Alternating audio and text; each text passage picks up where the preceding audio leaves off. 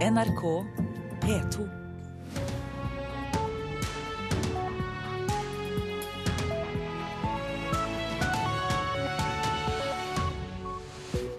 Velkommen til Nyhetsmorgen. Øystein Heggen er i studio.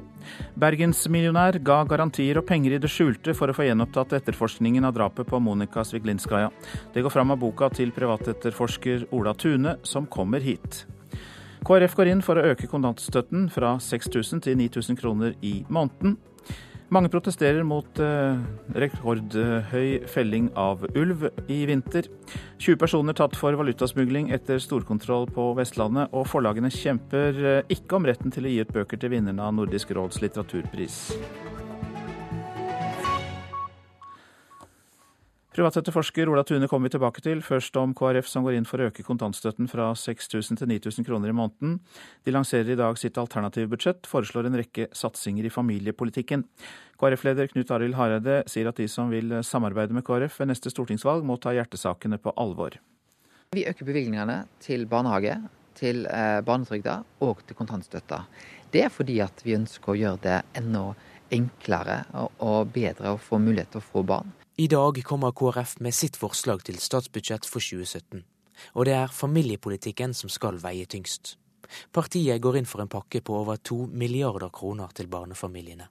De vil ha mer kvalitet i barnehagene, øke barnetrygden med 4% og heve kontantstøtten fra 6000 til 9000 kroner i måneden. Det er fordi vi ønsker en reell valgfrihet for barnefamiliene.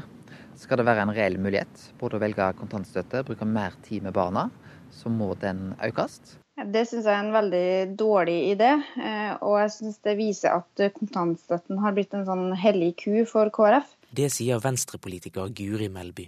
Venstre synes KrFs forslag er så dårlig at de i dag slipper nyheten om hva de vil gjøre med kontantstøtten i deres alternative budsjett.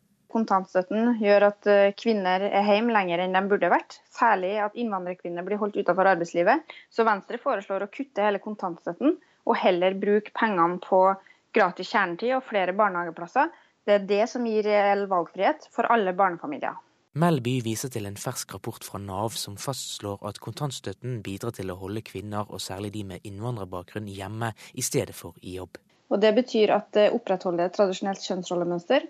Og det gjør at de kvinnene som aller helst skulle vært ute i arbeidslivet, holder seg hjemme. Så det er både en fattigdomsfelle og eh, et forslag som står i veien for integrering.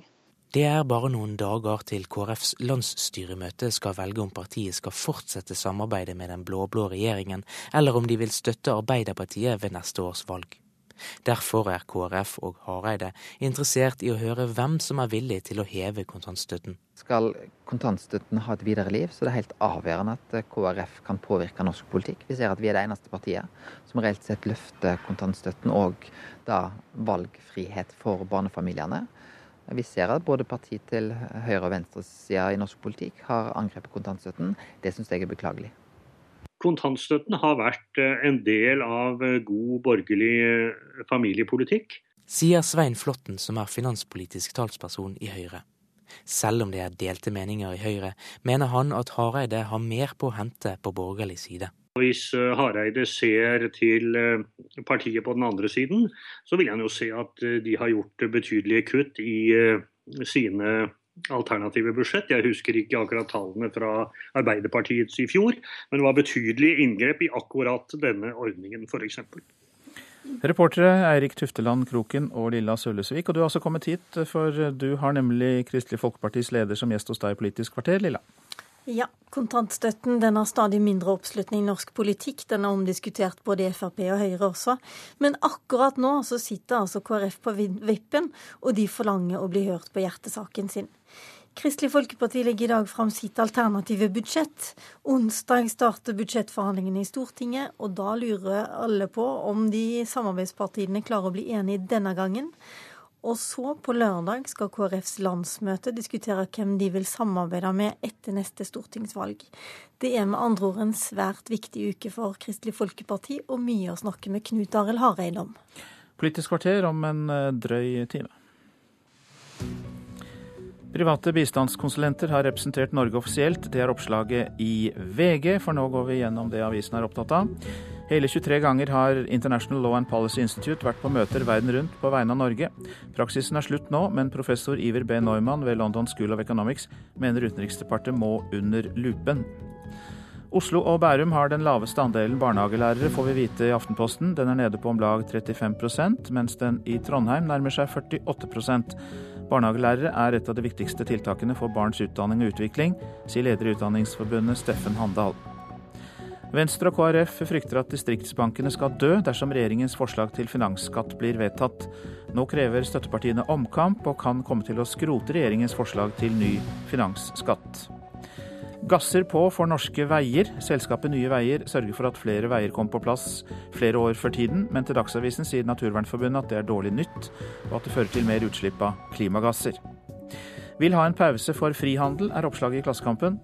Harvard-professor Danny Roderick mener frihandelsavtalen TTIP mellom EU og USA bør forkastes inntil politikerne klarer å fordele gevinsten av globalisering jevnere.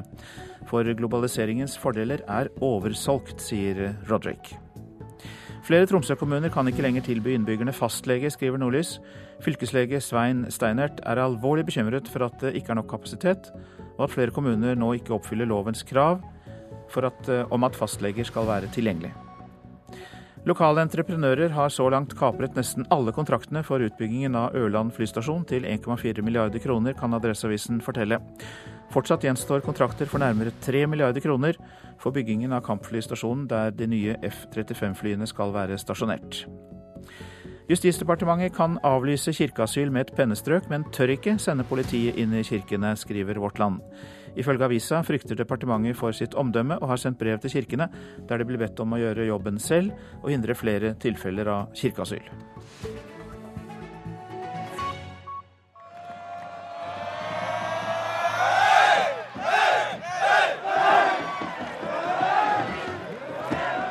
Ja, nå til et skråblikk på en av Askeladdene i norsk fotball. I Kristiansund var det igjen fest i byen i går da de slo Sandefjord 3-2 og sikret seg seriemesterskapet, som kommer på toppen da, av at laget har sikret seg spill i Eliteserien neste år. Helt utrolig, sier styremedlem Liv Berit Bach i Kristiansund ballklubb.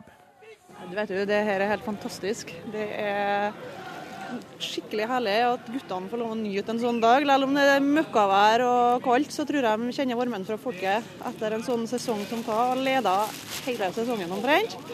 Å få lov å krone verket med en seier i dag, det er helt fantastisk. Jeg eh, fikk nesten ikke med meg et mål. Eh, et mål var for kort til å se, for da hadde alle jubla lenge før jeg klarte å se over dem. Men siste målet, da, etter det husker jeg ingenting. Jeg husker ikke hvordan det var, jeg husker ikke hva som skjedde etterpå. Har, det har blitt meg fortalt at jeg hulka som en uh, liten unge. Så ja, det var om å gjøre å holde, klare å holde pusten i gang. Det var eneste som telte i sluttminuttene der.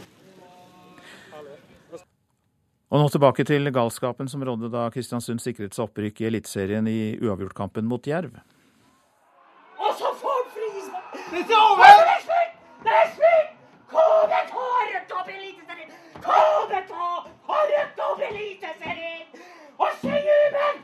Kjetil Ja, det vi hører eh, var kommentator og journalist Rune Edøy som knakk sammen i gråt. Fotballentusiast, kommentator og journalist i avisa Tidens Krav. Rune Edøy, velkommen hit. Ja, takk for det. Du er med oss fra studio i Kristiansund, selvfølgelig. Eh, hva er det som eh, skaper denne stemningen og denne gråtkvalte entusiasmen hos deg? Nei, det er jo sånn at eh, jeg har jo fulgt den klubben der da siden 2003, hvor den eh, ble stifta. Og eh, det har vært mange oppturer og nedturer. Og så er jeg jo journalist, selvfølgelig, og det er jo det jeg skal være. Men akkurat der når, når det synker innover både meg da, og alle andre at de faktisk rykker opp til Eliteserien, så blir jeg bare vanlig kristiansunder og nordmøring og patriot og alt det som som hører med, da, egentlig når du heier på et lag. og eh, Det må vel òg være litt eh, subjektiv eh, også som journalist da, når det, når det, blir på den måten der. og Da klarte jeg faktisk ikke å holde, holde følelsene tilbake. Så det ble veldig emosjonelt. og Det er litt sånn rart å høre det etterpå, da, men det har jo vært bare positive tilbakemeldinger. For å ta det store blikket, hva, hva, tror du da om mulighetene for at det dukker opp uh, flere Askeladder? Dere selvfølgelig, Kristiansund, men også Kongsvinger, som uh, går til cupfinalen. Hva, hva, er det, hva, er det, som gjør at et lag klarer sånne løft som det? Nei, Det er jo det at for det første så er ikke norsk fotball verdens navle, da, om vi skal si det på den måten. Norge er har et dårlig landslag, sånn i hvert fall på rankingnivå. Vi har en klubbfotball i Norge som ikke er i nærheten av å hevde seg i Europa. Og pengestrømmen i Norge den eh, har gått eh, Selv om pengene eh, på en måte øker sånn totalt sett, så, så har pengestrømmen gått ned i norsk fotball. Det betyr at uh, toppklubbene kan ikke bare kaste penger etter spillerne, som det var en tendens til tidligere. Ja, men du, Rune, at, Rune, uh, Rune Edøy, det, dette er jo alt det negative. Jeg var ute etter det positive som Askeladdene klarer å få til. ja. Men er, poenget er at det er det positive for Kristiansund og Kongsvinger og mindre klubber.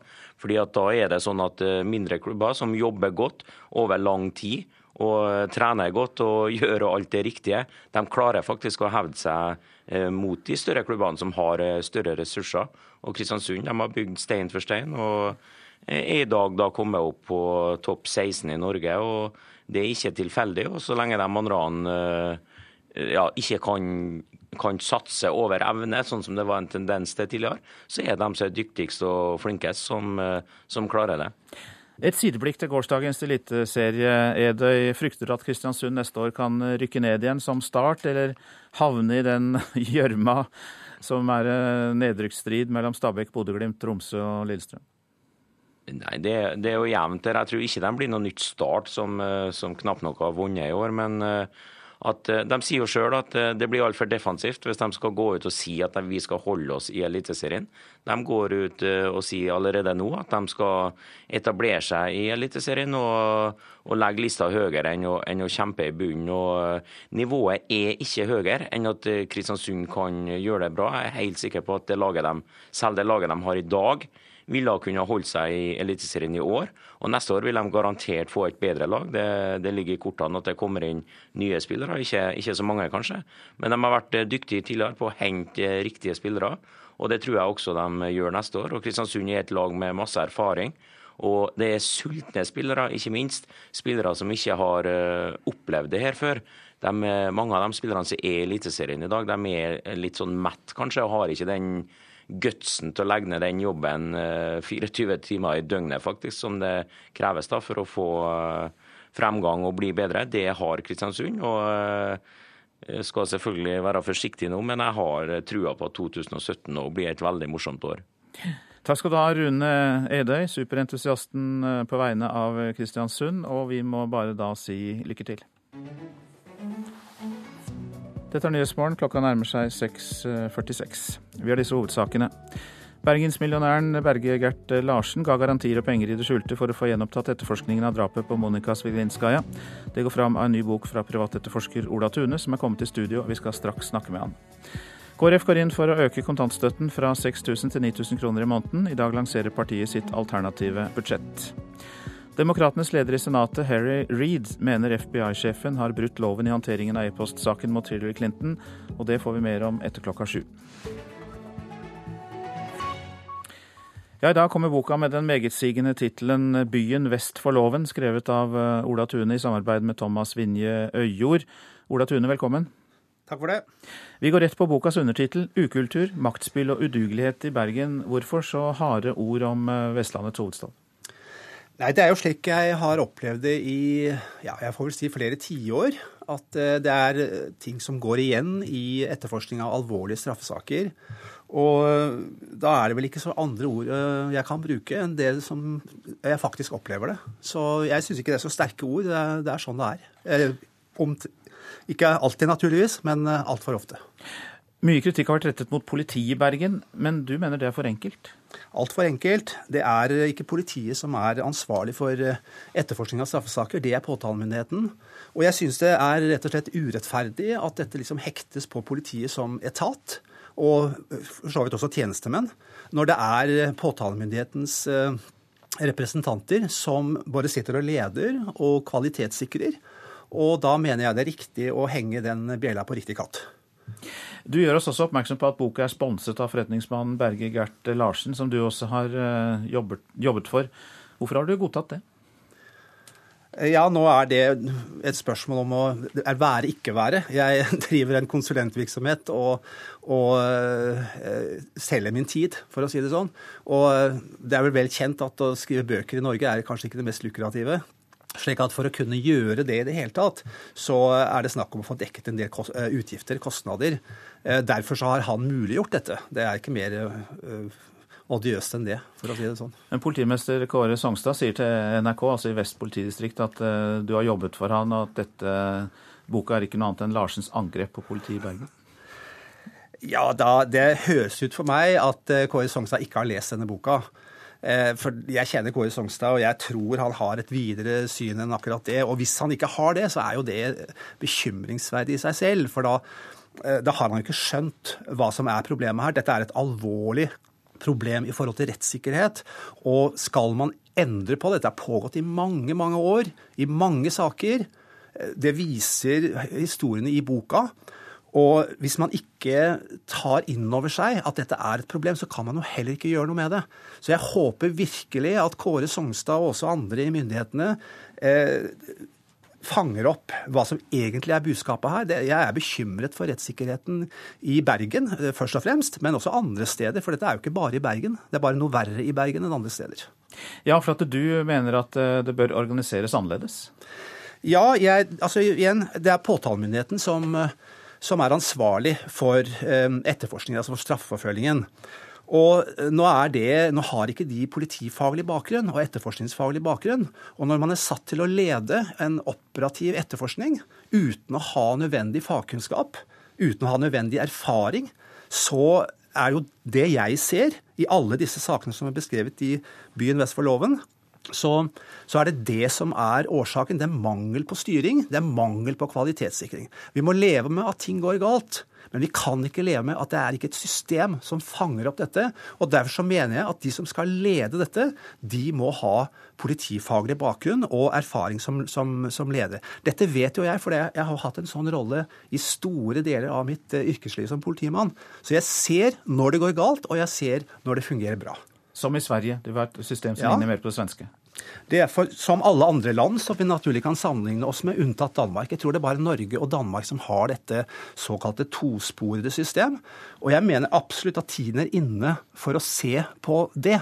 Eh, eh slik at man får de lederne som er kompetente til å lede disse. Da kan man forebygge at det skjer i hvert fall de konsekvensene som, som skjer f.eks. i de historiene som er omhandlet i boka. Det er jo alvorlige konsekvenser for folk. Du, du, nevner jo eh, Monica Zielinskaja-saken, eh, politivoldssakene lenger tilbake i tid. Ekteparet Ragnar og Arne Grete Fagereng som hyret inn deg mm. for å bli renvasket for sine anklager. og Det tok 16 år. Eh, til slutt så, så klarte de det. det. Det er tre av flere saker du omtaler i boka. Men til slutt så må vi jo innom at Berge Gert Larsen også har bidratt økonomisk. Ja. Ikke bare til å få denne boka skrevet, men også for å få gjenopptatt etterforskningen av drapet på Monica Zielinskaja. Og det var det jo ingen som visste før i dag. Nei, av, av, allmen, det, av allmen, i, allmen, i allmennheten? Det, det, er riktig. Han, han, ønsket ikke at dette skulle være uh, offentlig og for seg. Uh, jeg spurte han i forbindelse med skriving av boka, for jeg synes det var en altså en hyggelig gest. Altså, Bergert Larsen er en mann jeg har samarbeidet med i mange mange år. Jeg har lært han å kjenne som en, en, tøff forretningsmann, men jeg har også lært han å kjenne som en person som er opptatt av hva som skjer i samfunnet vårt. Han har lært mer enn noen annen at dette går galt, eller at en etterforskning går galt. Men han ønsket å engasjere seg og ba meg om å ta kontakt med advokaten til moren til Monica og høre om det var behov for altså bistand. Det kunne ha vært min bistand eller eh, økonomisk støtte. Så det er ikke noe mer vanskelig dette at det er en hyggelig gest mot Bergert Larsen som, som menneske. At han bidro med den bistanden? Ja, det, er noe, det er ikke noe vanskeligere enn det. Takk skal du ha, Ola Tune, som altså har skrevet boka 'Byen vest for loven' med undertittelen 'Ukultur, maktspill og udugelighet i eh, Bergen'. Det blir omkamp om den nye finansskatten i Stortinget. Venstre og Kristelig Folkeparti vil heller skattlegge bedriftenes overskudd enn arbeidskraften. Regjeringens forslag er distriktsfiendtlig og konkurransevridende, mener samarbeidspartiene. Regjeringen vil innføre en finansskatt på 5% av finansansattes lønn. I tillegg vil de skattlegge finansbedriftenes overskudd med 25% mens skatten for andre bedrifter senkes til 24 Det gir om lag to milliarder kroner mer inn i statskassen årlig. Men informasjonsdirektør Jan Erik Faane i bransjeorganisasjonen Finans Norge sier til Dagens Næringsliv i dag at det er håpløst å beskatte arbeidsplasser hardere når landet trenger flere verdiskapende arbeidsplasser. Finansnæringen er blant de aller mest lønnsomme i verdiskapning per ansatt. Venstre og Kristelig Folkeparti samarbeider med regjeringen i Stortinget, og er ikke uenige i å beskatte finansnæringen mer. Men de vil droppe ansatteskatten og heller øke overskuddsskatten i bedriftene, med 3,5 prosentpoeng mer enn andre bedrifter må skatte. Hedvig Bjørgum eh, orienterte.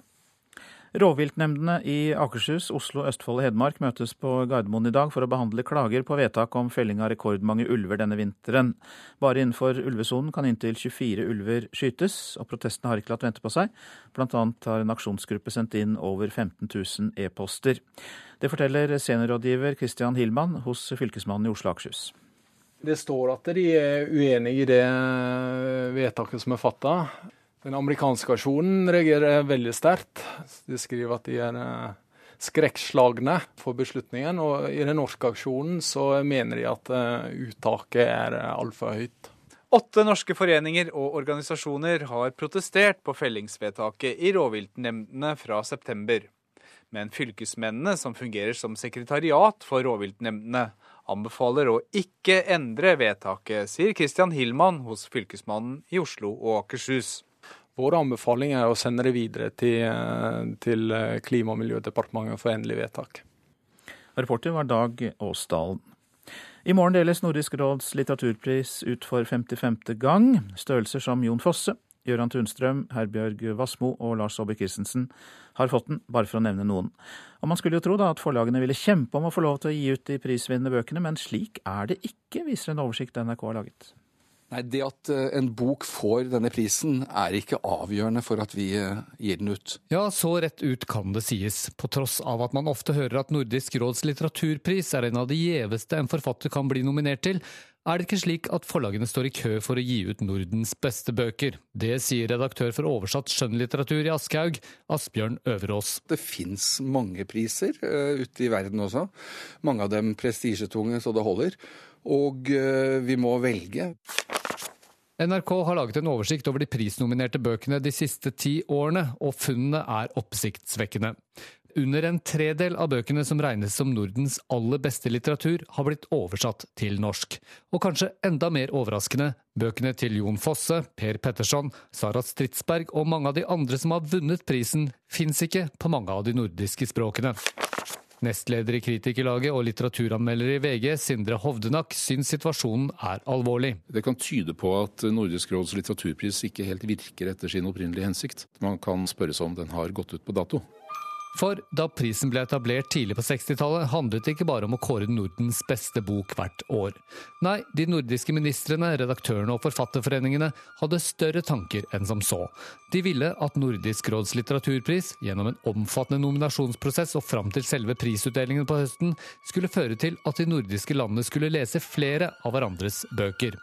Når det nå, 55 år senere, er så få av bøkene som blir oversatt, er det på tide å stille spørsmål ved hele prisens formål og eksistens, mener Hovdenak. Hvis man skal komme bort fra dagens situasjon, hvor prisen fremstår eh, mest som et pliktløp eh, for de nordiske landene, så må man gjøre noe med selve systemet. Den ville sikkert gått av at man så på det på nytt, hvordan eh, prisen har fungert i alle disse årene, om den fungerer etter sin hensikt anno 2016. Jorodd Asphjell, som har vært leder i Nordisk råds kulturutvalg de tre siste årene, er enig i kritikken. Nå vil han be de nordiske kulturministrene forsøke å finne en løsning på problemet. Når vi har en, eh, en sånn pris, så er det viktig at de som måtte vinne prisen, eh, får oversatt sine bøker til alle nordiske språk, for at prisen skal ha sin rettmessige betydning eh, i Norden. Reporter var Petter Sommer. Så tar vi fatt på værvarselet fram til midnatt. Fjellet i Sør-Norge. Litt regn eller sludd. Snø på toppene. Utover dagen snø i nordlige områder, men lite nedbør i sør.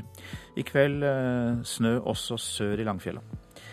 Så går vi til Telemark og Østlandet. For det meste oppholdsvær, men etter hvert litt regn. Først i nordlige områder, og snø i høyereliggende strøk. Agder får for det meste oppholdsvær i dag, men i kveld regn fra nord og snø i høyden. Så var det Vestlandet sør for Stad. Regn i Sogn og Fjordane, men lite nedbør lenger sør. Fra ettermiddagen økende nedbør og snø i høyden. Og det blir lokal tåke. I kveld nordvest liten kuling på kysten av Hordaland og Rogaland. Møre og Romsdal sørvest stiv kuling på kysten, minkende utover dagen. Regn, snø i høyereliggende strøk til kvelden og lokal tåke. Trøndelag sørøst liten kuling utsatte steder. I formiddag dreiende vestlig og noe minkende. Periode med regn, snø i høyden og lokal tåke i Trøndelag. Nordland i sør østlig, i sør østlig liten kuling utsatte steder. Utover dagen litt regn, snø i fjellet. Nord i Nordland stort sett opphold og perioder med sol. Troms lett skydekke og til dels pent vær. Finnmark enkelte sludd- eller regnbyger, vesentlig på kysten i øst, ellers opphold, og etter hvert lettere skydekke også i vest. Spitsbergen spredte snøbyger, men mest oppholdsvær og til dels pent vær, til og med. Så tar vi med temperaturene som ble målt klokka fire i natt. Svalbard lufthavn minus én, Kirkenes pluss fire, Vardø seks, Alta én, Tromsø-Langnes to, Bodø én. Brønnøysund og Trondheim-Værnes begge med fem, Molde sju. Bergen-Flesland og Stavanger ni grader, Kristiansand-Kjevik sju. Gardermoen og Lillehammer begge tre. Røros null grader, og Oslo-Blindern hadde fem grader. Og så legger vi til at vi her i Nyhetsmorgen etter sju skal snakke om pavebesøket i Sverige. Pavens første besøk i Skandinavia på flere år.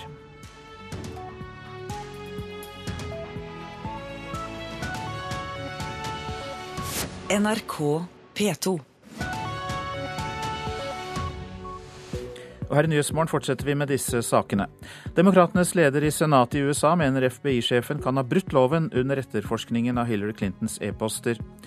For første gang i historien markerer Det lutherske verdensforbund og Den katolske kirke reformasjonen sammen. Det skjer under pavebesøket i Sverige. Bergensmillionæren Berge Gert Larsen ga garantier og penger for å få gjenopptatt etterforskningen av drapet på Monika Sviglinskaja. Det går fram av en bok fra privatetterforsker Ola Tune. Og Sør-Koreas president anklages for å ha latt en nær venn blande seg inn i statsstyringen. Nå kommer det krav om at Park Geun-hye må gå av. Ja, Demokratenes leder i Senatet, Harry Reed, mener FBI-sjefen kan ha brutt loven i håndteringen av e-postsaken mot Hillary Clinton. Ny etterforskning og oppmerksomhet rundt saken kommer til å hjelpe Donald Trump, mener Reed.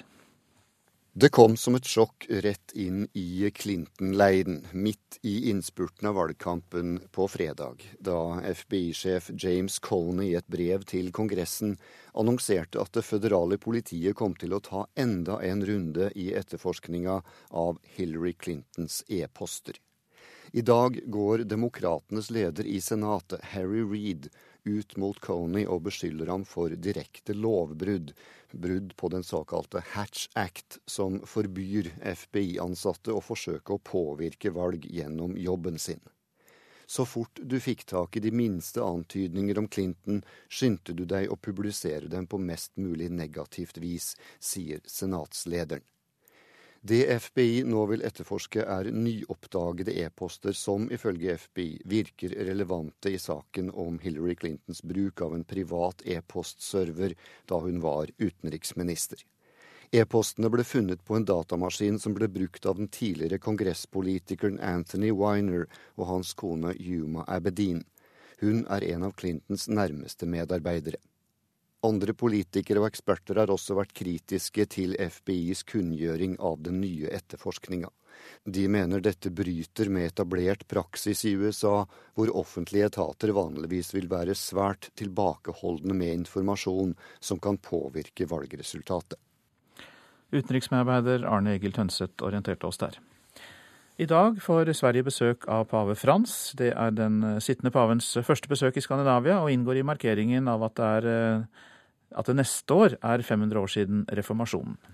Ja, det er stort. Det er stort. Det sier søster Selin, som er en av seks nonner i Røgle kloster utenfor Lund.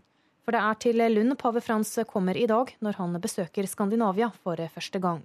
Gudstjenesten blir en milepæl i dialogen som har pågått mellom den katolske og lutherske kirke de siste 50 årene. De er nå forente i synet på at den katolske munken Martin Luther ikke ville splitte kirken i år 1517, da han slo opp sine 95 teser på porten til Slottskirken i Wittenberg. Likevel er erkebiskop Hanté Jacquelin usikker på hva som vil konkret forandres i forholdet mellom de to kirkesamfunnene etter dagens møte. Det er svårt å si konkret.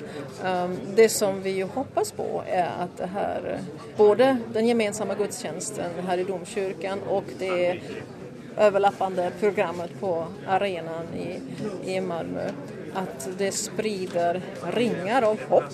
Ikke bare i vårt land, men også globalt. For det er jo en global hendelse det her handler om. Søster Selin mener derimot at når Kirken nå setter ord på konflikten, blir det mulig å legge den bak seg. Så er det en konflikt. Når man setter ord, så kan man også gå videre. Men så lenge man aldri velat riktig se hva det var, eller hvordan det hendte, da kan man egentlig aldri riktig gå videre. Even om det er 500 år.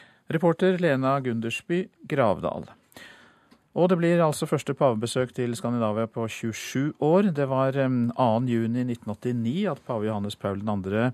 kom eh, som pilegrim til Nidarosdomen i eh, Trondheim. Men nå er det altså pave Frans det dreier seg om. Korrespondent Philip Lote, du følger pavebesøket i eh, Sverige. og Hvordan blir han tatt imot?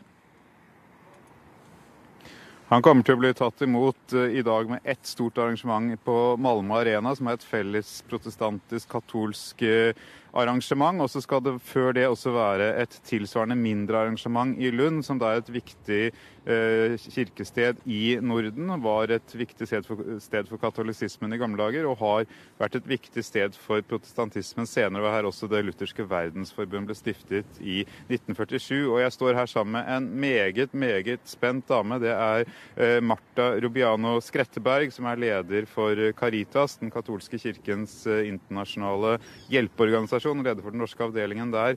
Eh, og Märtha Skretteberg, du skal faktisk være med i et møte med paven eh, litt senere i dag. Hva er det du ønsker å ta opp med ham?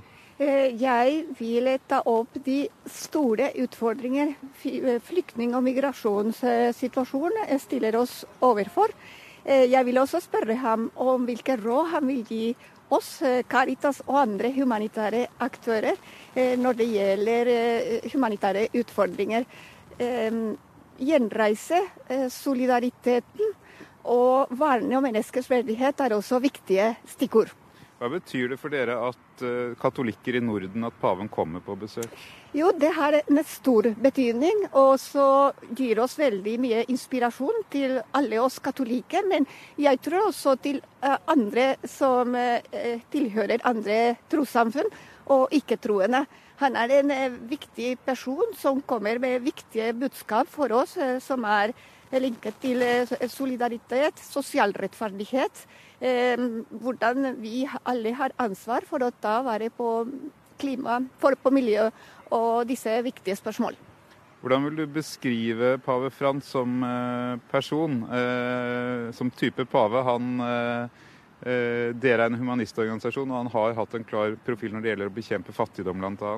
Ja, han, eh, først vil jeg si at eh, han har en betydning i den forstand at han har latinamerikansk bakgrunn. Men han er også har, opptatt av sosiale spørsmål, stort engasjement for dette.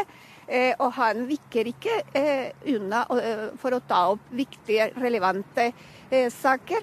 Eh, jeg også synes at det er veldig viktig at han kommer med budskap eh, for, eh, som mynter på bakkenforliggende årsakene til f.eks. fattigdom og migrasjon, som han gjør nå. Det er klart at krig er en tegn for manglende politisk vilje eller fravær av politisk initiativ. Fattigdom tar liv. Eh, og skaper konflikt, og klimaendringer eh, gjør også det. Så det er store eh, utfordringer han tar opp, og det er veldig viktig for oss alle sammen.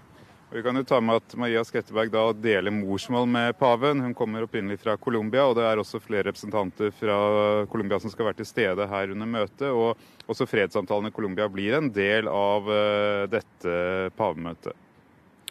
Takk skal du ha, Philip Lote, som rapporterte fra Sverige og den eh, argentinske pavens besøk der, kan vi vel si. Utenriksmedarbeider Tom Christiansen, god morgen til deg.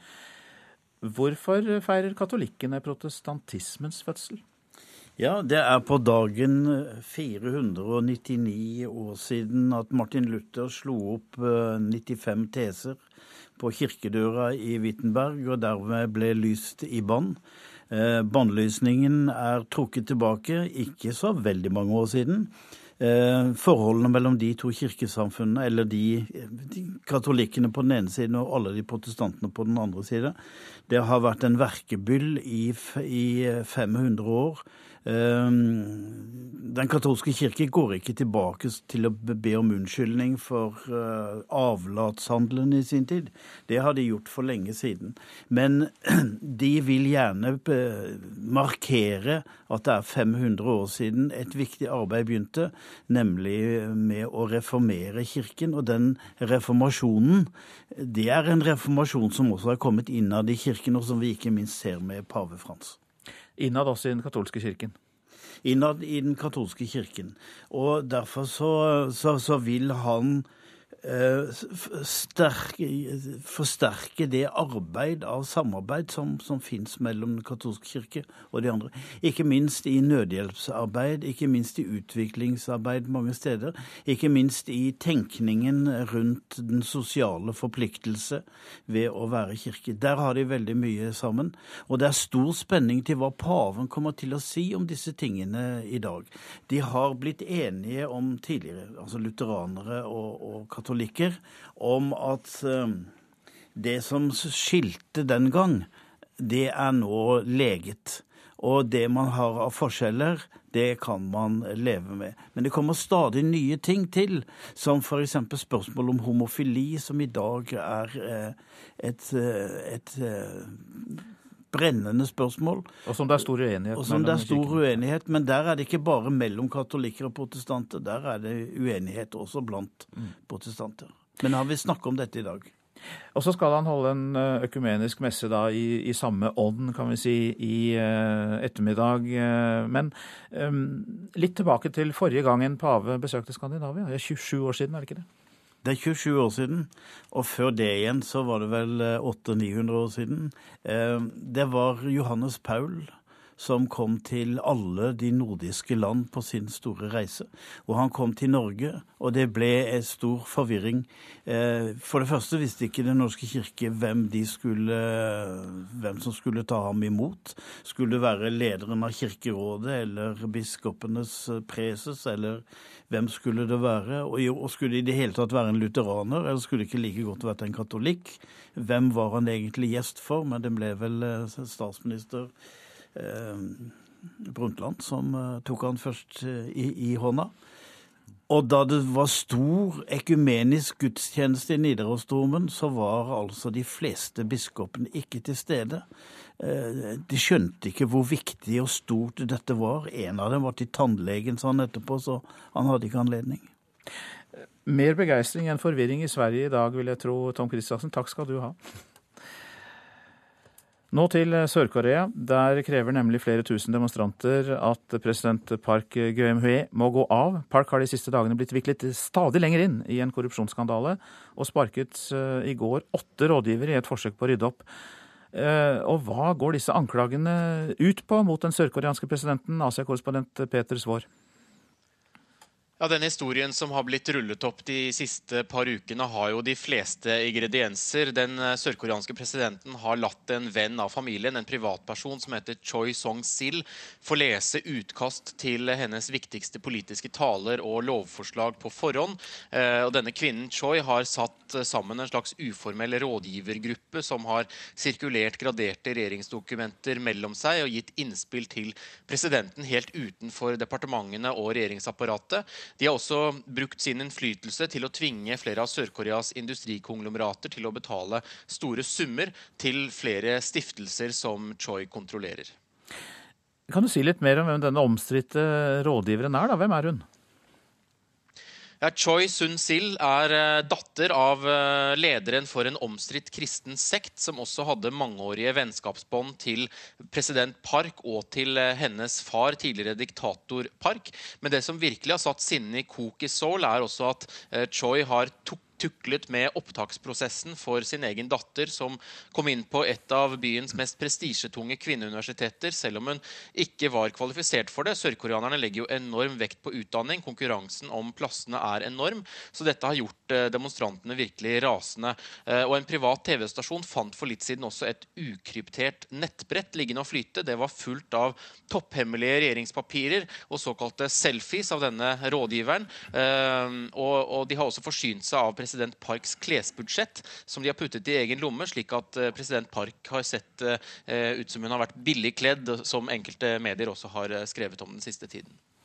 Både nettbrett og klær inne i denne skandalen, Peter Svaar. Hva i all verden tror man kan komme til å skje nå?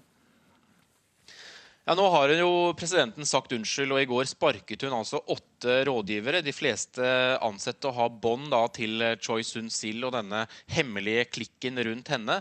Nå prøver president Park åpenbart å begrense skadene og å overleve denne skandalen. Det spørs jo om det nytter nå som politiet har begynt å gå fra hus til hus på raid eh, blant flere av dem som har vært involvert i denne hemmelige indre sirkelen. I går dukket politiet også opp ved Det blå huset, presidentpalasset i Seoul. Der ble de avvist av vaktene.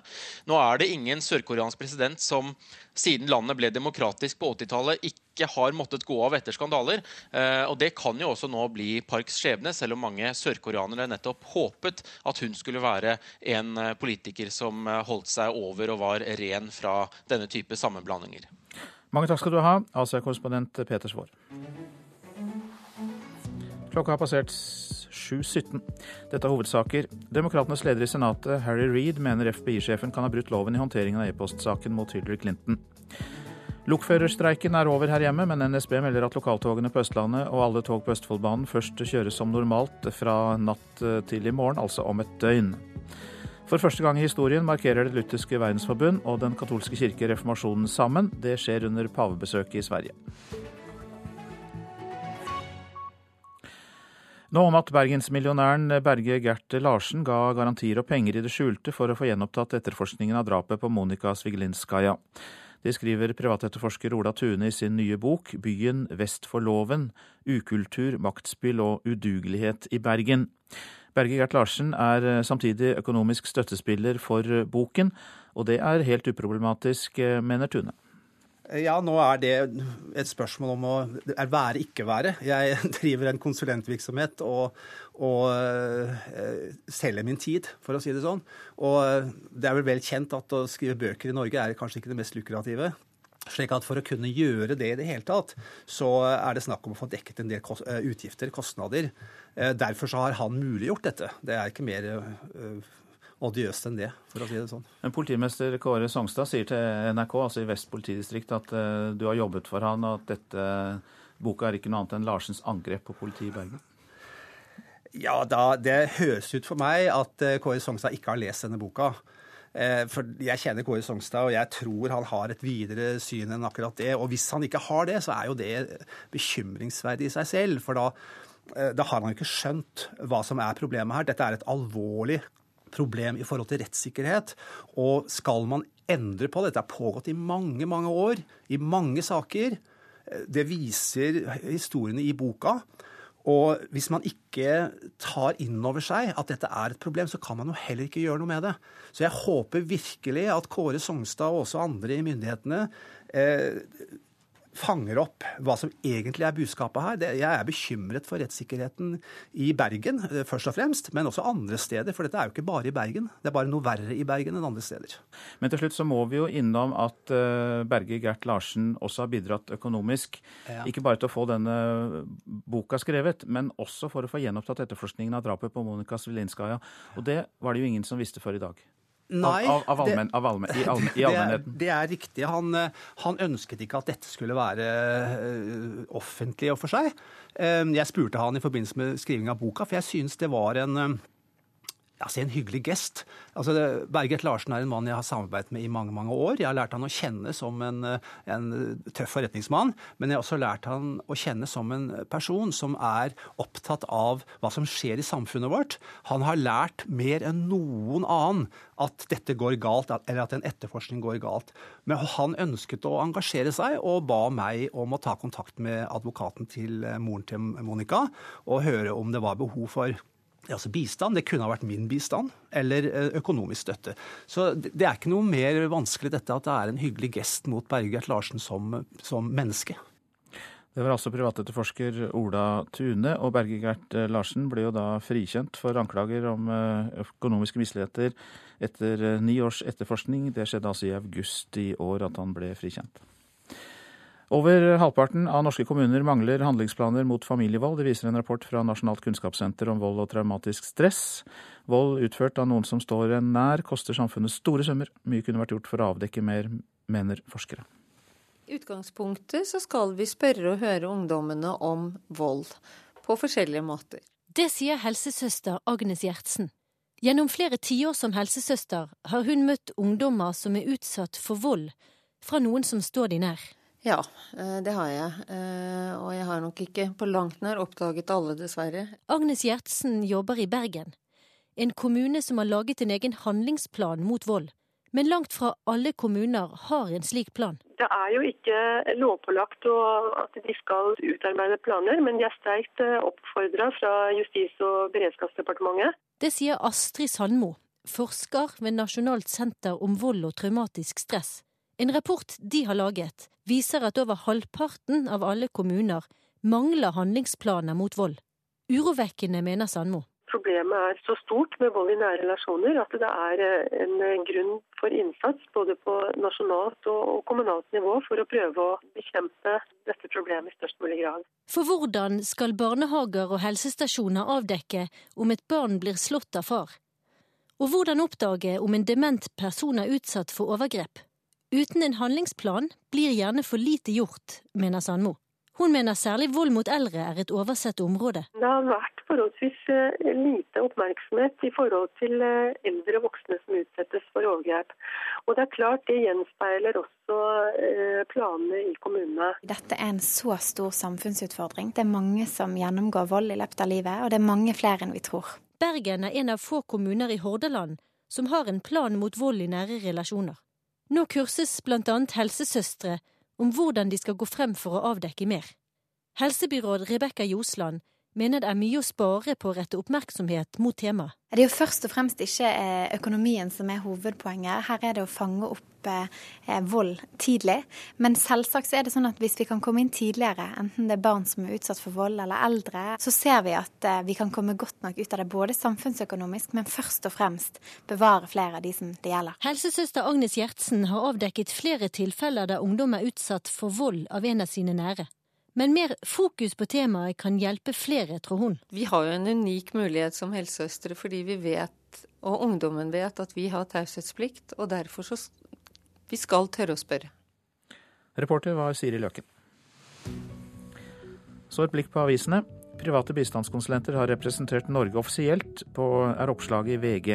Hele 23 ganger har International Law and Policy Institute vært på møter verden rundt på vegne av Norge. Praksisen er slutt nå, men professor Iver B. Neumann ved London School of Economics mener Utenriksdepartementet må under lupen.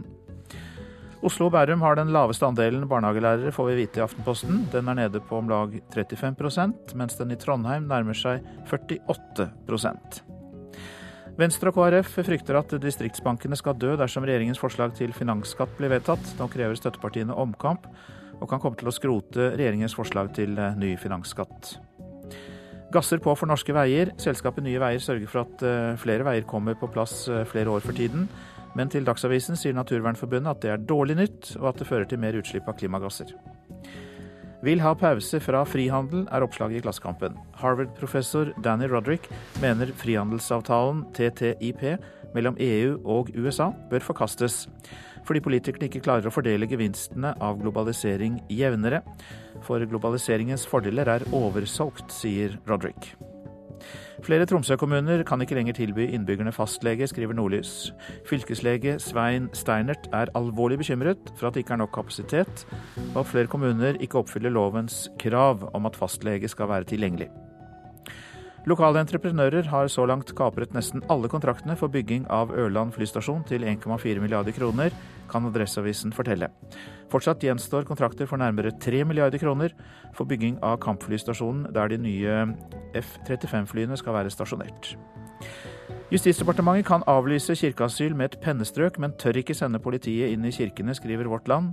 Ifølge avisa frykter departementet for sitt eh, omdømme, og har sendt brev til kirkene der de blir bedt om å gjøre jobben selv og hindre flere tilfeller av kirkeasyl. Forbruket av økologisk melk nå, for det øker på Østlandet, og det er gode nyheter for de økologiske bøndene, bl.a. i eh, Telemark. I mange år har bøndene produsert nesten én million liter med økologisk melk i året, men den er blitt solgt til forbrukerne som vanlig melk. Men så har det snudd. Så er det en som driver og surrer med spenna si, så nå må han få lov til å få litt melk. Sånn. Vi er i fjøset til økologisk mjølkebonde Kim Erik Ellingsen i Gjerpensdalen i Skien. Han gir mjølk til kalvene i fjøset. De er nå glad i denne mjølka, da. Det er bra, det. Kalven skal ha godt med mjølk.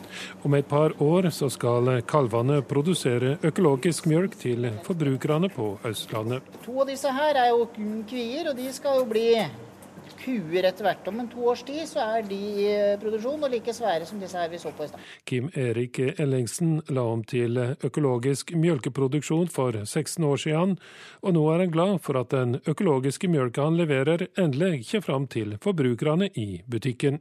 Ja, det er godt, og det var endelig på tide, vil jeg si.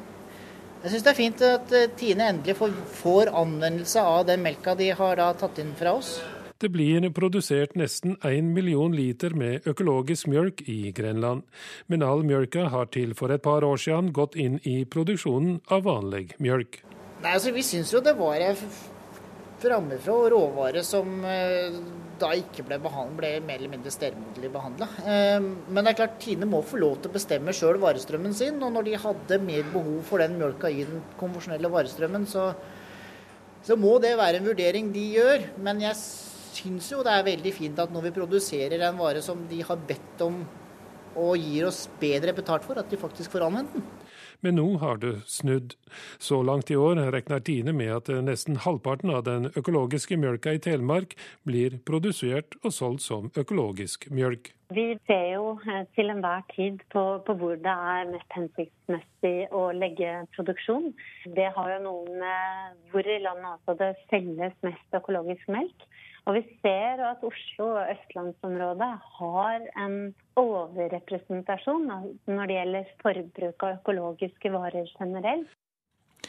Til slutt er direktør i eh, Tine, Unn Grønvoll Nikolaisen, reporter Ragnar Lurås.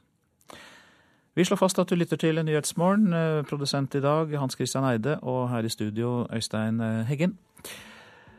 Baltimore i delstaten Maryland er en av USAs fattigste og farligste byer, og den er tema for reportasjen etter Dagsnytt om eh, ti minutter. I Politisk kvarter er kontantstøtten et av temaene når KrF-leder Knut Arild Hareide er eh, gjest der. Og så legger vi til at eh, nettstedet radio.nrk.no er kjempefint hvis du vil høre radio direkte, alle våre kanaler, og dessuten spole deg tilbake eller hente fram tidligere sendte programmer. NRK P2.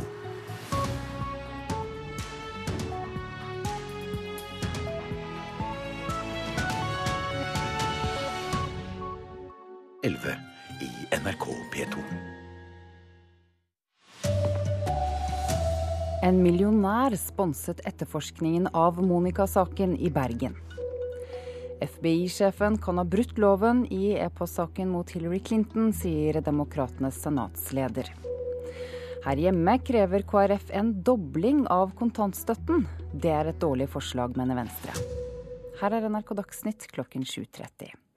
Ja, millionæren eh, Berge Gert Larsen ga økonomisk støtte anonymt i Monica-saken. Det skriver privatetterforsker Ola Tune i en ny bok. I boken som kommer ut i dag, forteller han om sine erfaringer med ukultur i politietaten i Bergen og Hordaland.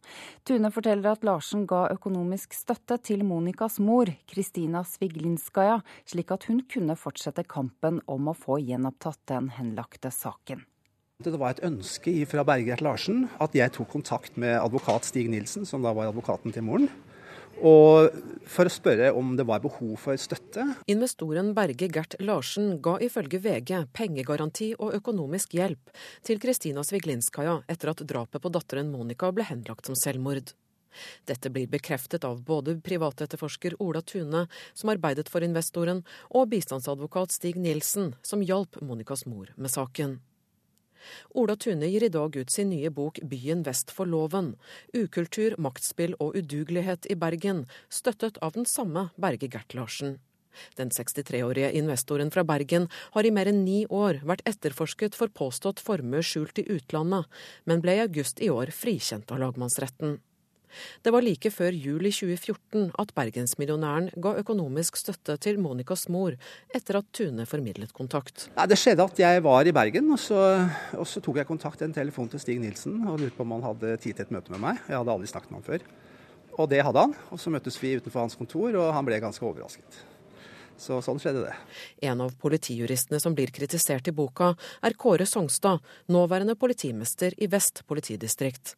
Songstad sier til NRK at han ikke tror det er verre i Bergen enn andre steder.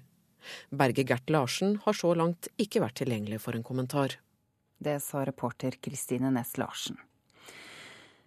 Demokratenes leder i Senatet i USA, Harry Reed, mener FBI-sjefen kan ha brutt loven i håndteringen av e-postsaken mot Hillary Clinton. Ny etterforskning og oppmerksomhet rundt saken kommer til å hjelpe Donald Trump, mener Reed. Det kom som et sjokk rett inn i Clinton-leiren, midt i innspurten av valgkampen på fredag, da FBI-sjef James Colney i et brev til Kongressen annonserte at det føderale politiet kom til å ta enda en runde i etterforskninga av Hillary Clintons e-poster. I dag går demokratenes leder i Senatet, Harry Reed, ut mot Coney og beskylder ham for direkte lovbrudd brudd på den såkalte Hatch Act, som forbyr FBI-ansatte å forsøke å påvirke valg gjennom jobben sin. Så fort du fikk tak i de minste antydninger om Clinton, skyndte du deg å publisere dem på mest mulig negativt vis, sier senatslederen. Det FBI nå vil etterforske, er nyoppdagede e-poster som ifølge FBI virker relevante i saken om Hillary Clintons bruk av en privat e-postserver da hun var utenriksminister. E-postene ble funnet på en datamaskin som ble brukt av den tidligere kongresspolitikeren Anthony Weiner og hans kone Yuma Abedin. Hun er en av Clintons nærmeste medarbeidere. Andre politikere og eksperter har også vært kritiske til FBIs kunngjøring av den nye etterforskninga. De mener dette bryter med etablert praksis i USA, hvor offentlige etater vanligvis vil være svært tilbakeholdne med informasjon som kan påvirke valgresultatet. Utenriksmedarbeider Arne Egil Tønseth. Vi skal hjem igjen og til togstreiken, som jo er over. Men eh, trafikken er ikke i gang igjen som normalt før i morgen tidlig. Derfor må flere av passasjerene fortsatt ta alternativ transport. Vi skal til Ski utenfor Oslo, for der har NSB nå satt inn noen ekstra direktebusser. Og reporter Knut Erik Solhaug, eh, hvordan er egentlig stemningen blant passasjerene der? Stemningen er, for, stemningen er for så vidt greit. De aller fleste av passasjerene som passerer meg her på Ski stasjon, det er eh, skoleelever som eh, oppsøker de forskjellige grønne bussene hvor det står 'skolebuss' på. Det står også en mann med NSB-uniform som har ansvaret for de eh, få bussene som det står 'buss for tog for' på. For det er nemlig sånn at etter at det ble klart at streiken var over, så ligger jo alt til rette at togtrafikken eh, kan avvikles som eh, normalt. Men det hjelper lite at personellet er eh, klart når togene ikke står der de skal gjøre for å få avvikla trafikken. Det er rett og slett et puslespill som må legges før togtrafikken kan gå som normalt igjen. Og NSB, når streiken er over, så kan du igjen sette inn alternativ for tog, altså buss. 200 busser trenger man for å få avvikla eh, trafikken eh, i området her inn mot Oslo.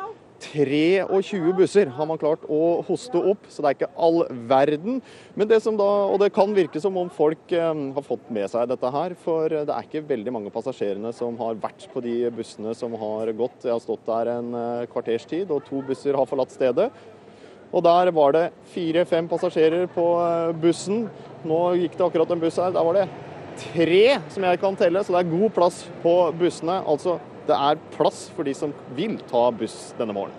Det kan være greit å vite. Takk til deg, reporter Knut Erik Solhaug, som altså er i Ski utenfor Oslo.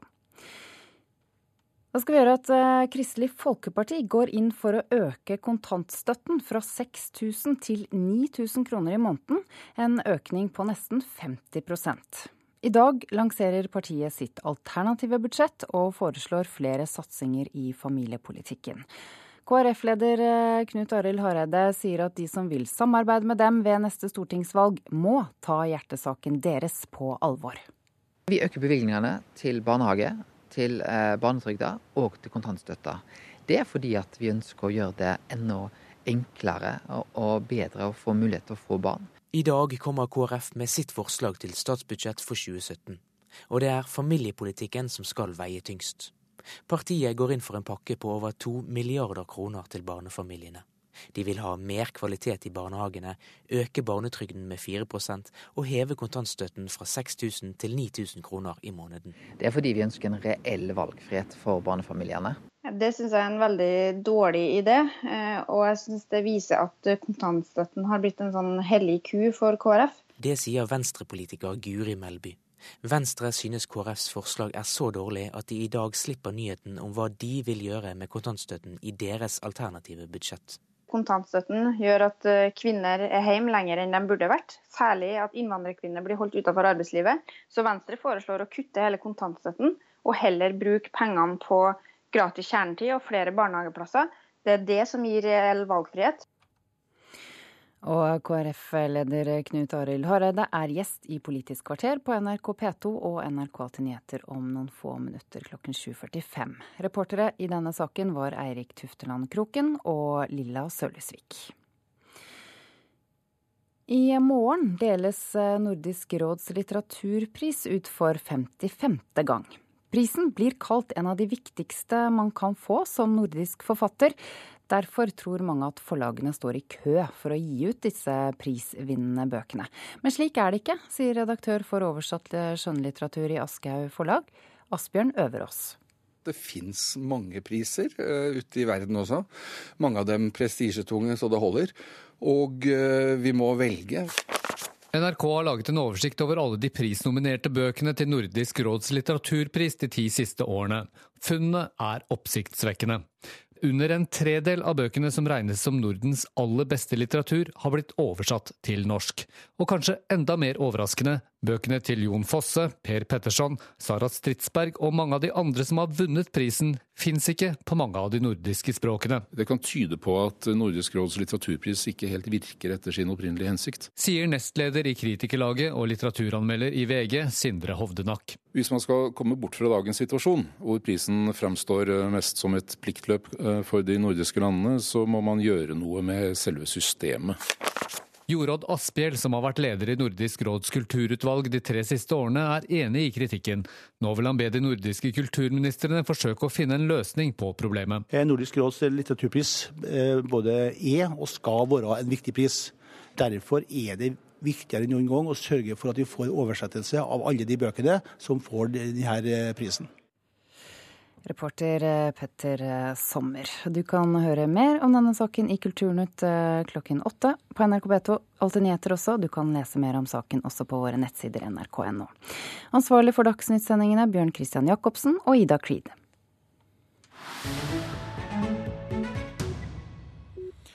Det er Nyhetsmorgen du hører på nå. I fjor var verdens øyne rettet mot Baltimore i delstaten Maryland og opptøyene der etter drapet på Freddie Gray. Siden da har det blitt eh, mye verre i en av USAs fattigste og farligste byer.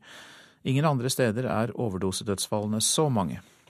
Reporter Christian Aanensen har sendt oss denne reportasjen.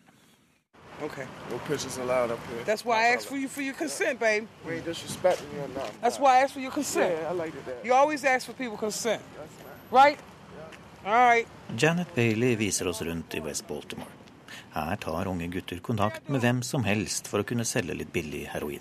He was looking for customers. Yeah, and the, and the thing about it, it's like they don't care who they saying it to. They don't know if I was a cop, you was a cop, or what. You know. They don't care. Right. Janet har bodd her nesten hele livet, og hun har sett mange nedturer på nært hold. Og for noen år siden gikk det fra vondt til verre.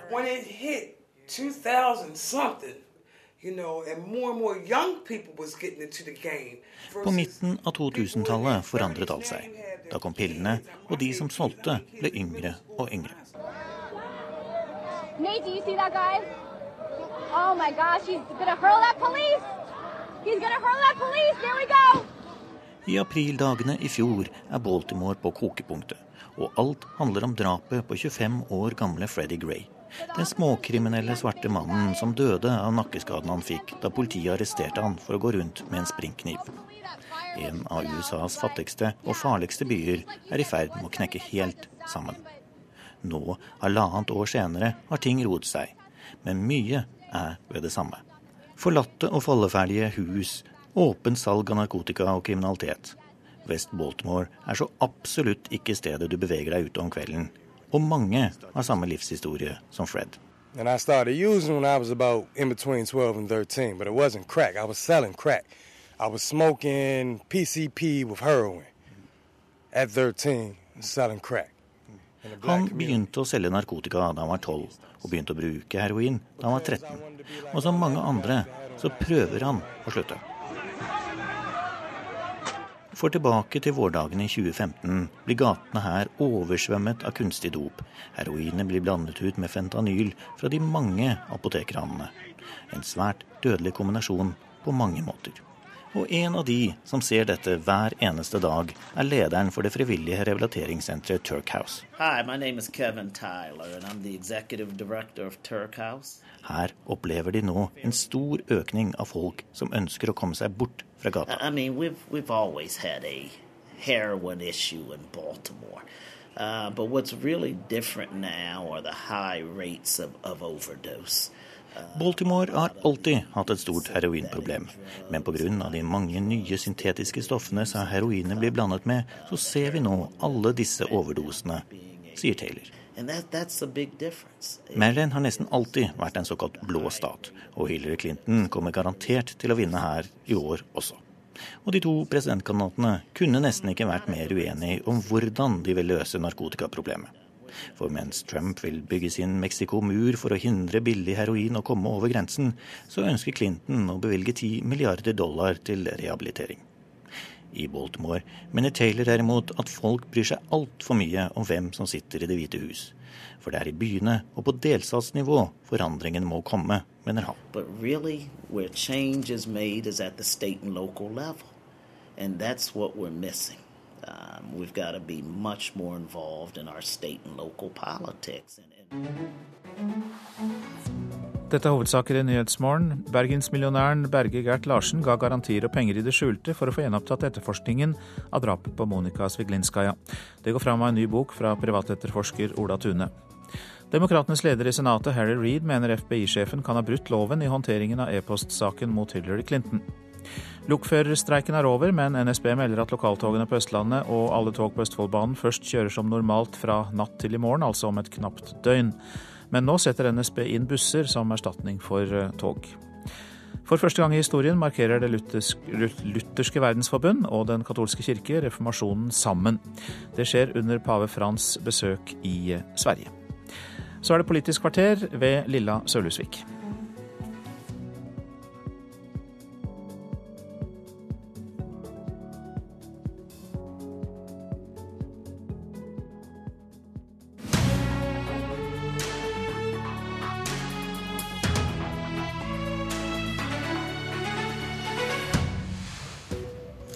Skal Kristelig Folkeparti fortsette samarbeidet på blå-blå side, eller skal de hoppe over til Arbeiderpartiet? Denne lørdagen så har KrF lovet oss at de endelig skal gi noen avklaringer. Men først er det budsjettforhandlinger, og da skal KrF bruke vippemakten sin til å trumfe gjennom enda høyere kontantstøtte. Hjertelig velkommen til Politisk kvarter og god morgen, Knut Arild Hareide. Tusen takk for det. Jeg lurer først på hvordan det føles å være KrF-leder for tida. og Grunnen til at jeg spør, er at du kan enten være en eh, lykkelig mann fordi du er, du er en som alle vil ha med på laget, eller så kan du være dypt deprimert fordi dere nå har en oppslutning som man antageligvis skal til 30-tallet for å finne maken til, i hvert fall hvis eh, oktobermålingene skal bli valgresultat. Så hva er du? Er du lykkelig, eller er du deprimert? Du, det hjelper jo ikke så veldig å være så, så deppa, da. Jeg tror ikke vi må lenger tilbake til 2012 for å se tilsvarende målinger. Men det er klart at eh, jeg òg syns vi ligger for lavt, og jeg syns vi hadde fortjent Målinger, valgresultat? For valgresultat så må vi tilbake til 30-tallet. Hvis vi skulle komme på dette nivået, så, så har det jo vært sånn at med de siste valgene så har vi falt litt mellom valgene. Så har vi greid å mobilisert inn mot valgene. Og det tror jeg er fordi at folk ser når vi kommer til valg hva KrF betyr for valgfrihet for barnefamiliene. At vi er et parti som står opp for de mest sårbare, de som trenger det mest i vårt samfunn. Og at vi tar vare på de kristne verdiene eh, inn i det samfunnet. Og jeg tror i et Norge som er i endring, som er mer fargerikt, mer mangfoldig og flottere enn noen gang, så tror jeg det er veldig viktig at vi nettopp tar vare på våre verdier, våre røtter, eh, våre kristne verdier. Og det tror jeg er et budskap som når langt bredere enn òg vår oppslutning i dag. Eh, så er det en utfordring, og det tenker jeg det er jo min utfordring som partileder, å få fram hva vi reelt sett greier å gjøre en forskjell på. Jeg tror det er mange som ikke har fått med seg at vi nå nesten å sikre to lærere blant første, andre, tredje og fjerde klasse. Bare før du starter på hele skrytelista, så har jeg bare lyst til å si at du er jo tilbake igjen der du starta. Altså, da hadde dere også et valgresultat på femtallet, og meningsmålingene lå på firetallet. Hva er det på en måte velgerne ikke skjønner, siden de ikke premierer dere mer? Og du skulle jo være også redningsmannen. Jeg tror at eh, det er viktig at vi får fram hva det er vi har fått til. Ehm, ja, i noen saker så har vi vært et, en, en, tydelig stemme mot det regjeringa har stått for. Når de har f.eks. sagt at eh, de ønsker å ha handling og shopping på søndagen, så tror jeg folk har forventa at KrF har stått fram mot det. Og vi har jo ikke bare greid å vunne den saken, vi har fått folket med oss. Men vi har òg fått til ganske mye ting. Eh, jeg nevner dette med lærere. Nettopp det å sikre flere lærere i, i de første alderstrinnene, det vet vi har størst betydning for de mest sårbare elevene. Jeg har lyst til å snakke om en annen ting som du faktisk har fått til. og Det du har fått til, det er å øke kontantstøtten til 6000 kroner. Det har han vært nå i tre år. Og i forrige uke kom en Nav-rapport som viste konsekvensen av det. Det var færre mødre i arbeid, og særlig blant de lavtlønte. Er det det som er poenget, når du nå vil øke kontantstøtten 50 til, opp til 9000 kroner? Eh, vi er opptatt av at nettopp vi har en kontantstøtte for ettåringene i Norge. Eh, det er sånn at barn er forskjellig, familie er forskjellig. Jeg bruker ofte meg sjøl som eksempel. Min bror eh, Petter på, han gikk før han var ni måneder. Jeg gikk på den dagen jeg fulgte 18 måneder. Da er det jo litt forskjellig til hvordan en skal ha det. Om en har en sønn som går før han er ni måneder, eller en som, som går den dagen en er 18 måneder.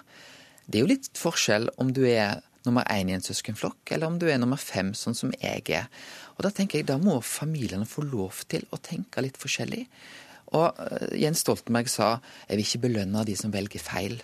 For KrF er det sånn at det er ingen som velger feil, men vi ønsker at de skal få lov til å velge sjøl. Men det er vel et tankekors at det er de lavtlønna kvinnene, særlig innvandrerkvinner, som sliter med å komme inn i arbeidsmarkedet, som velger. Det er de som har den valgfriheten.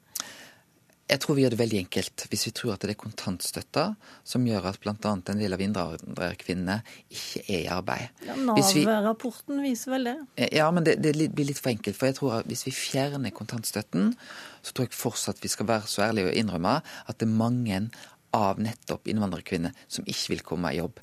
Det skyldes kultur. Og jeg tror vi må jobbe på en helt annen måte mot det. Men det er jo en grunn til at vi har fått til nå eh, nettopp gratis kjernetid for tre-, fire- og femåringene for de med en lavere inntekt. Nettopp for å få flere i barnehage. Men å fjerne kontantstøtten, ja, hva vil vi gjøre da? Jo, da vil det bli flere fattige barnefamilier i Norge. Jeg tror vi må ha en mye mer helhetlig tilnærming. Men at vi skal ta bort valgfriheten for de som har barn som er ett år gamle, det mener jeg er feil. Eh, og vi skal jo være klar over at kontantstøttebruken har jo gått ned, selv om vi har økt den. Og jeg tror at hadde vi økt den videre, så ville òg flere menn brukt kontantstøtte. I dag er det 23% av de som bruker kontantstøtte, som er menn. Med å øke den, så vil nok òg den andelen gå opp. Eh, I dag skal dere legge fram det alternative statsbudsjettet deres, og på onsdag starter budsjettforhandlingene. Hvor viktig er denne saken for dere? Er det like viktig som eh, Venstres eh, Det grønne skatteskiftet? Vi har sagt vi går ikke inn i budsjettforhandlinger med ultimatum. Vi er opptatt av konstruktive, eh, gode forhandlinger. Eh, men det er klart at eh, nettopp det å få til en valgfrihet Og kontantstøtten er altså ikke økt på, på, tre år. Hvordan skal du få gjennomslag da, så lenge både regjeringen og Venstre egentlig har lagt fram sine ultimatum? Ja, jeg registrerer at regjeringa har valgt å bruke den type ord. Det velger ikke vi å gjøre. Vi ønsker konstruktive forhandlinger. Men jeg tror òg regjeringspartiene forstår det at nettopp valgfrihet det er en del av KrFs ideologi for barnefamiliene. Og vi velger å, å løfte det fram. Og vi, altså, vi fikk jo for tre år siden, så greide vi å øke fra 3000, som var kontantstøtta under rød-grønn tid for de mellom 18 og 24 måneder, så greide vi å øke den til, til 6000. Eh, og, så, så de har iallfall vist evne til å forstå at det er en viktig sak for KrF. Så har jeg lyst til å si at vi har jo da i de siste årenes budsjett prioritert barnehage. Både å få flere barnehageplasser. Det har gjort at nå, hvis du har en ettåring, eh, så var det en frist på 1.9. Den er blitt 1.11. Eh, og det er jo like viktig for oss. Skal vi ha en valgfrihet, så må vi òg ha flere og bedre barnehageplasser. Så det er jo nettopp den helhetlige tilnærmingen jeg tror både regjeringa og Venstre har sett at KrF har hatt. Vi har ikke bare prioritert kontantstøtte, vi har òg prioritert veldig mange hundre millioner til barnehage, fordi det er den reelle valgfriheten vi er opptatt av. Ja, Men eh, den som leser avisene godt i dag, kan jo si at det er veldig mange saker dere er opptatt av. Vi snakker om eh, finansskatten, som dere vil endre. Det står i Dagens Næringsliv. Eh, I Dagbladet kan du lese om at du vil ha en annen asylpolitikk for asylfamiliene. I Dagsrevyen på fredag kunne vi høre at du ville ha mer penger for å bekjempe vold mot barn. Er det noen av disse her sakene som er hva er liksom akilleshælen for KrF når det går inn i forhandlingene? Jeg tror at eh, for KrF så er akilleshælen at nettopp for oss er det viktig å løfte noen av de mest sårbare i vårt samfunn. Eh, det er å ha en politikk for de som trenger det mest, som er, som er viktig for oss. Og nå kommer jo regjeringa da med en eh, opptrappingsplan for voldsutsatte barn. Vold i nære relasjoner. Og det var en skuffelse, ikke for, for KrF, men for de barna som vi vet har en kanskje den mest krevende situasjonen i landet vårt. Og Da er det viktig for oss å ha nettopp prioritere noen av de som trenger det aller mest. Det er voldsutsatte barn. Eh, det er psykisk helse for, for barn eh, og unge. Nettopp det å hjelpe noen av de som, som trenger det mest, det vil være det viktigste for KrF. Du har eh, kalt det en ordkrig mellom Venstre og Høyre og Frp. og Du har også sagt at du er overraska over eh, hva skal jeg si, aggresjonsnivået til Venstre før disse budsjettforhandlingene. Tror du at dere klarer å komme fram til enighet også i år? Eh, jeg har lyst til å si at Venstre syns jeg er veldig, er veldig gjenkjennelige. Vi vet at nettopp klima, få ned klimagassutslippene, vil være ekstremt viktig både for, for Venstre og, og KrF. Og vi legger fram et budsjett i dag som vil være en oppskrift for å få klimagassutslippene ned. Så har jeg sagt det er ikke ett virkemiddel som jeg må ha på plass for å få det til. For det er en rekke virkemiddel du kan ha for å få nettopp det til. Der er det en portefølje, ja. Vi vet at det finnes nettopp mange endringer på, på skatte og avgift. Vi er nødt til å gjøre det sånn at det skal koste mindre å opptre miljøvennlig, og så må det koste mer hvis du gjør det motsatte. Men det å satse på f.eks. kollektiv, satse på, på, på, jernbane, eh, det å bygge ut eh, nettopp en del av anleggene, om det er for elbiler eller innenfor skipstrafikken, for å gjøre den mer klimavennlig, der er det en rekke tiltak Vi er villige til å diskutere alle. Så lenge klimagassutslippene vil gå ned, og vil gå betydelig ned, så vil vi være fornøyd. Men det er ikke sånn at det er akkurat ett tiltak på KrFs liste vi må ha gjennomført, så lenge vi oppnår hovedmålet, få klimagassutslippene ned. Så dere skal være en slags megler mellom disse to sidene i klimapolitikken? Jeg opplever at vi har fått til gode løsninger og tidligere. Det har vært en stor uenighet. Vi vet at f.eks. på innvandring- og integreringsfeltet har det vært veldig stor avstand. Men vi har funnet felles gode løsninger til slutt. Det håper jeg òg vi skal gjøre denne gangen. Alle som har fulgt eh, norsk politikk eh, de siste årene, er spesielt eh, oppsatt på å følge med på lørdag. Da skal du komme noen avklaringer, men jeg er litt usikker på hvilke avklaringer du egentlig skal komme med på landsstyremøtet på lørdag. Får vi vite hvem du og KrF ønsker som statsminister? Jeg tror at det kommer til å oppleves avklart. Det kommer til å oppleves avklart? Ja, altså vi, vi, er jo opptatt av å løfte fram eh, naturlig nok hva som er vår primære løsning.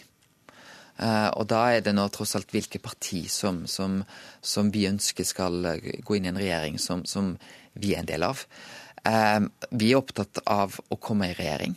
Vi vet at eh, når vi har sittet i regjering før, så har vi fått gjort en Ja, vi har bidratt konstruktivt, fått til mange gode resultat i løpet av de årene som har gått nå. Men vi har òg sett at mange saker som vi har vært uenige med regjeringa. Vi vet at når vi sitter i regjering, så setter vi agenda på en annen måte. Dagfinn Høybråten fikk på plass røykelova. Det hadde aldri Dagfinn Høybråten greid hadde han sittet som et konstruktivt opposisjonsparti. Nettopp det å sitte i regjering, kunne styre agendaen, få til samarbeid med LO, arbeidsgiver, arbeidstakersida, var helt avgjørende for å vinne den saken, som et eksempel. Og når dere skal i regjering, får vi da vite hvem dere vil i regjering med? Dette er jo partiet som skal ta endelig stilling til nå til helga. Jeg tror det vil være tydelig hva som er vårt primære eh, og første valg. Får vi vite hvem dere absolutt ikke skal samarbeide med? Det kan òg være at eh, landsstyret vil avklare. Hva mener du sjøl? Jeg skal ikke gå inn i dette nå, noen dager før vårt eh, landsstyremøte, eh, men det er sånn at KrF vi er et sentrumsparti. Eh, vi kan samarbeide til, med ulike partier. Vi har gjort det historisk òg. Vi har samarbeida i de regjeringene vi har deltatt med så har eh, både Høyre, Senterpartiet og Venstre vært kjerneparti i de regjeringene vi har deltatt eh, i. Vi har òg samarbeidet med Arbeiderpartiet. Mm. Det har vi gjort fra en annen situasjon. Vi har gjort det først og fremst fra Stortinget, men vi har hatt gode samarbeid òg med Arbeiderpartiet og sikra viktige resultat for KrF. Men vi har aldri gjort det i regjering. Jeg tror at for KrF å komme i regjering, det er naturlig nok viktig. Etter at vi har stått sannsynligvis i 2017, tolv år utenfor regjering. Men når du nå tar opp denne debatten, betyr det at du er misfornøyd med dagens samarbeidsordning, når dere har stått som støtteparti til Høyre og Frp? Vi leverte Hva er det som ikke har fungert, da, leverte... siden du åpner opp for denne debatten nå? Jeg tror at hvert parti som eh, sitter på Stortinget, bør ha ambisjon om å være en del av en regjering. Vi leverte velgerne akkurat det vi lovte i 2013. Vi sa vi gikk for et skifte. De rød-grønne partiene sa nei takk til å samarbeide med KrF i 2013. De ville bare ha en rød-grønn eh, flertallsregjering. Jeg opplever at situasjonen, mulighetsbildet, et, vil være et annet i 2017 enn det var i 2013. Men det er klart, ethvert politisk parti som er ansvarlig, bør ha ambisjon om å sitte i regjering. Det har vi òg. Vi har gjort det før. Vi har gjort det med suksess, og vi har fått viktige saker gjennom på den måten. Eh, det vil være naturlig òg for KrF å ha det som hovedmål når vi går til valget mot 2017. Det, vi får se hvor mye avklaringer vi får i løpet av uka. Det har også vært en del som mener at dere ikke bør avklare. Fordi at eh, å holde det åpent lengst mulig, det gir dere best eh, mulighet til å forhandle. Jeg har lyst til å si Dette er jo ikke et spill for KrF. Dette er jo fordi at vi er opptatt av å få gjennomført mest mulig av vår politikk. Og det er viktigere for oss hva vi samarbeider om, enn hvem vi samarbeider med, naturlig nok. Ok, I dag klokka 11 er det pressekonferanse om eh, budsjettet til KrF. Onsdag er det budsjettforhandlinger. Lørdag klokken 15.00 går du på talerstolen i, til KrFs landsstyremøte. Politisk kvarter var ved Lilla Sølvesvik. Hør flere podkaster på nrk.no podkast.